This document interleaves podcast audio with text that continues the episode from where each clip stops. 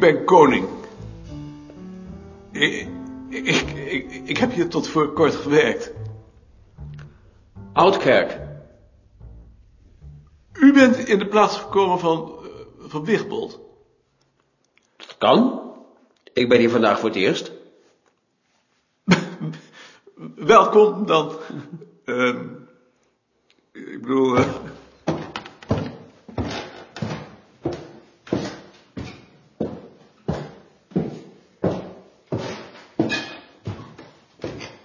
Dag Alt. Hey, dag Maarten.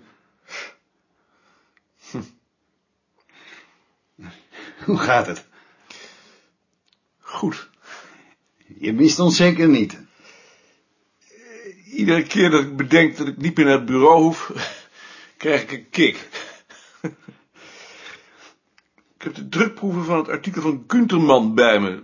Zal ik die maar zelf versturen? Als je wilt. En ik wil ook maar even hier die brief aan Zijner schrijven. Eh, er zijn nog meer brieven voor je gekomen.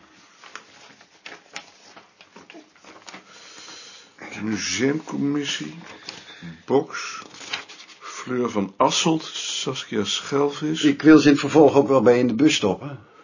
Als dat niet te lastig is, Nou, anders vraag ik het aan Lien of aan Joop. dat kan ook.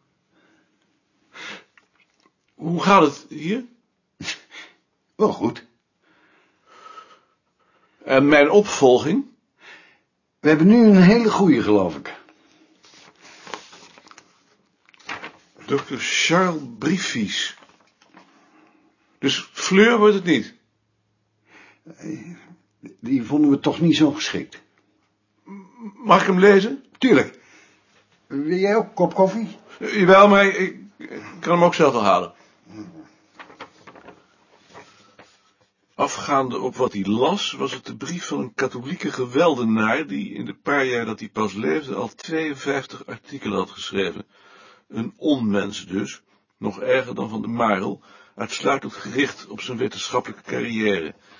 Er was weinig fantasie voor nodig om te zien dat de afdeling met deze man binnen de kortste keren haar menselijk gezicht en wetenschappelijk gezien haar sceptische protestantse signatuur zou verliezen, en dat zijn voorkeur voor harde onderwerpen tegen een psychologische achtergrond vervangen zou worden door een voorkeur voor mystieke religiositeit, wars van menselijke eigenaardigheden.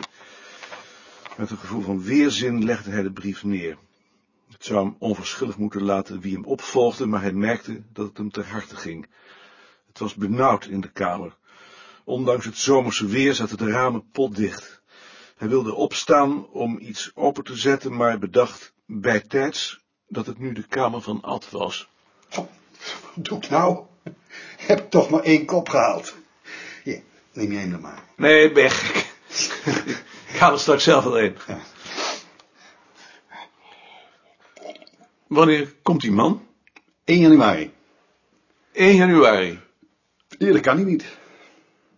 Ik ga dan maar boven zitten. Ik, zie je nog wel.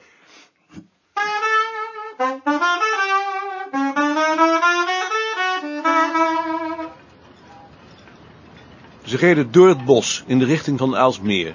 Eerst langs Schiphol en daarna over een klein dijkje, langs Kassen. Het was wisselend bewolkt. Een frisse, harde noordwestenwind. Bij het bonte schort aan de Westeinderplas klonk zijn kop koffie. Er waren veel surfers.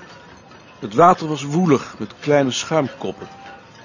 Ze fietsten door Kudelstaart naar Bilderdam, waar ze over de brug onder een bruine beuk schuilden voor een stortbui.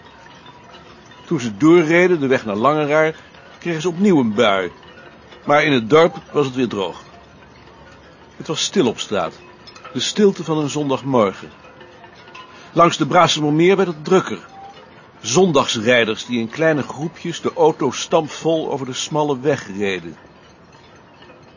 Ze aten hun brood op de dijk, beschut door een rietkraag. Wouwbrugge. Op het rijwielpad langs de Braasemermeer liepen wat wandelaars met kinderen en honden. Ook daar veel surfers. Nicolien vond het te toeristisch langs zo'n meer. Ze reed liever tussen de kassen waar het stil was, zoals in Aalsmeer. Hij vond alles wel goed, zelfs een zondagmiddag aan de Braasemermeer. Hij keek naar het woelige water en de groene ruimte daaromheen onder de hoge hemel met grote witte wolken en voelde zich als in een kerk. Ze reden langs het rijwielpad naar Leiderdorp, dronken wat voor een café aan het water waarin in het halfdonker bier drinkende jongens naar de Tour de France zaten te kijken en vervolgens langs de Vliet naar Leidsendam. Van tijd tot tijd passeerden groepjes auto's met surfplanken bovenop, waarna het weer even rustig was. In de Vliet voeren bootjes. Om zes uur reden ze langs de Karel Reinierskade Den Haag binnen. Jullie hebben het dus gehaald. Je had daaraan getwijfeld? Hoe zit het? Kunnen we maar niet beter meteen gaan eten? Of, of willen jullie eerst wat drinken? Nou, eerst maar wat drinken, hè? Eerst wat drinken. Ik heb nog één flesje bier en een rest wijn. En ik heb ook nog wat zelfgemaakt vlierbessensap. Wat willen jullie?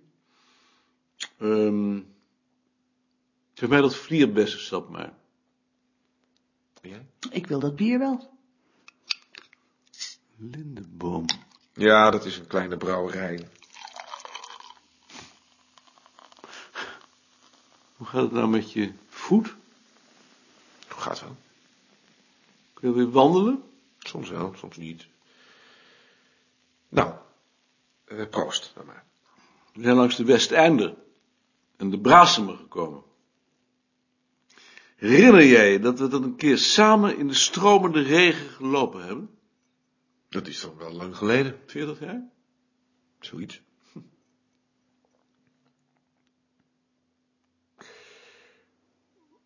Wat doe je op het ogenblik? Lezen? Wat?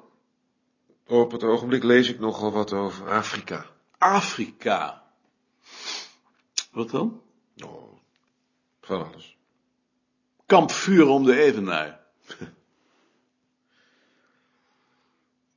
Ik heb dus afscheid genomen van mijn bureau. Hoe is het? Hebben jullie misschien zin om dit keer eens Grieks te gaan eten? Ik weet een aardig restaurant. Wat hebt u weer een mooie gladiolen? Hebt u die in Griekenland gekocht? Nee hoor, gewoon in de Keizerstraat. Jij houdt van gladiolen, hè? Ja, dat vind ik een mooie bloem. Zwaardlelies. Uh, heb jij na je pensionering de mensen op school nog wel eens opgezocht? Je bedoelt thuis? Of op school? Nee. Waarom zou ik dat doen? Maarten voelt zich met hen verbonden. Ook nu die er weg is. Nee, met een school is dat natuurlijk anders. Ik heb er natuurlijk wel een aantal contacten aan overgehouden met, met oud-leerlingen vooral. Ik vind het idioot. Niet van die oud-leerlingen, maar om ze nog eens op te zoeken. Terwijl je altijd gezegd hebt dat je er nooit meer naartoe zou gaan als je er weg was. Alsjeblieft, een oezo van het huis. U vindt het toch niet erg dat wij een beetje ruzie maken? Nee hoor. Ik had niet verwacht dat ze zo'n aardig afscheid zouden organiseren. En tenslotte heb ik 30 jaar met ze opgetrokken. Geen 30 jaar. Nou, 25 dan. Ja, met Bart en Ad. En met de anderen toch minstens 10 jaar? Tussen 10 en 25 jaar, dat is langer dan met de vrienden van je school of uit je studententijd. Maar het waren toch geen vrienden van je? Nee. Maar maakt dat zoveel verschil? Ja, dat maakt een enorm verschil. Dat dacht ik toch ook. Het gaat toch om de solidariteit? Als je 30 of 25 jaar voor dezelfde taak hebt gestaan, dan is dat toch niet meteen afgelopen? Dat kan je van tevoren wel denken, maar dat blijkt dan toch door te werken. Ik dacht dat jij zo de pest had aan je werk. Ja, dat heb je tenminste altijd gezegd. Ik heb wel de pest aan mijn werk. Dat werk vond ik onzin, maar niet aan de mensen. De mensen heb ik zelf uitgezocht. De meeste tenminste. Maar daarom zijn het toch nog je vrienden niet? Nee, dat zou ik nou ook zeggen. Omdat ik niet meer in vriendschap geloof. Ik geloof in solidariteit. Ik geloof in trouw. Maar vriendschap. Dat eigenlijk? Je hebt dat al eerder gezegd. En ik weet nooit wat ik daarvan denken moet. Waarom zeg je toch dat je geen vrienden meer hebt? Heb ik dat gezegd? Ik heb gezegd dat je op onze leeftijd geen vrienden meer maakt. Dat ben ik dan helemaal niet met je eens. Ik maak nog regelmatig vrienden. Ik bedoel dat de meeste mensen op onze leeftijd niet meer bereid zijn om te praten.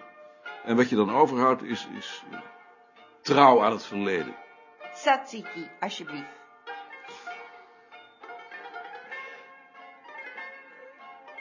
Voel jij je eigenlijk wel eens bedreigd? Wat bedoel je?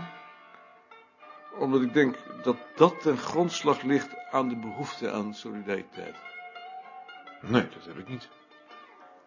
Maar je voelt je toch wel aangetrokken tot kleine, hechte gemeenschappen van vervolgden. Daar ben ik me er niet van bewust. En je sympathie voor ketters dan? Ja, het is iets heel anders. Dat is eerder iets mystieks. Als jullie er geen bezwaar tegen hebt, dan wou ik dit keer de rekening maar delen. Ieder de helft. En jullie dan wat meer, omdat jullie met z'n tweeën zijn. Ik betaal wel. Nee, nee, ik betaal een derde.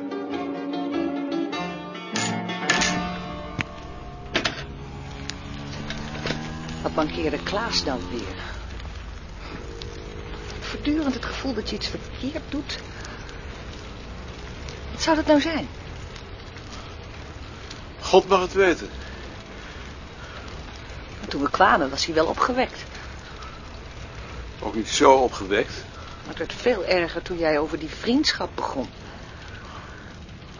Daar begon ik toch niet over? Zou het soms zijn dat hij jaloers is? Ik weet het echt niet. Dergelijke verklaringen maakten hem korzelig. Hij had er geen behoefte aan. Mensen kennen betekende voor hem dat hij hun gedrag kon naspelen. Feiten dus. Woorden. Als producten van een intuïtief gekend, maar niet onder woorden te brengen mechanisme. Eigenlijk had hij zelfs de beste aan psychologische verklaringen. Ze waren hem niet subtiel genoeg.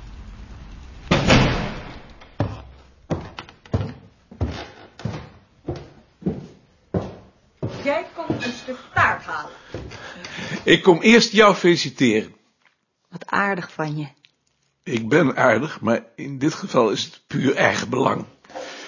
Hoe laat wordt die aangesneden? Over tien minuten? Dan zie ik je direct. hey. leuk. Frits. Hoe gaat het? Ik had je net willen opbellen. Over dat boekje voor mm, dorps- en streekgeschiedenis. Over boedelbeschrijvingen. Ik wou er wel een keer met je over praten. Nu? Als ik de gegevens heb. Bel me maar op.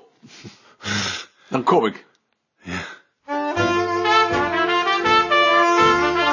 Dag Alt. hey, dag Maarten. Ik kom voor de verjaardag van Sien.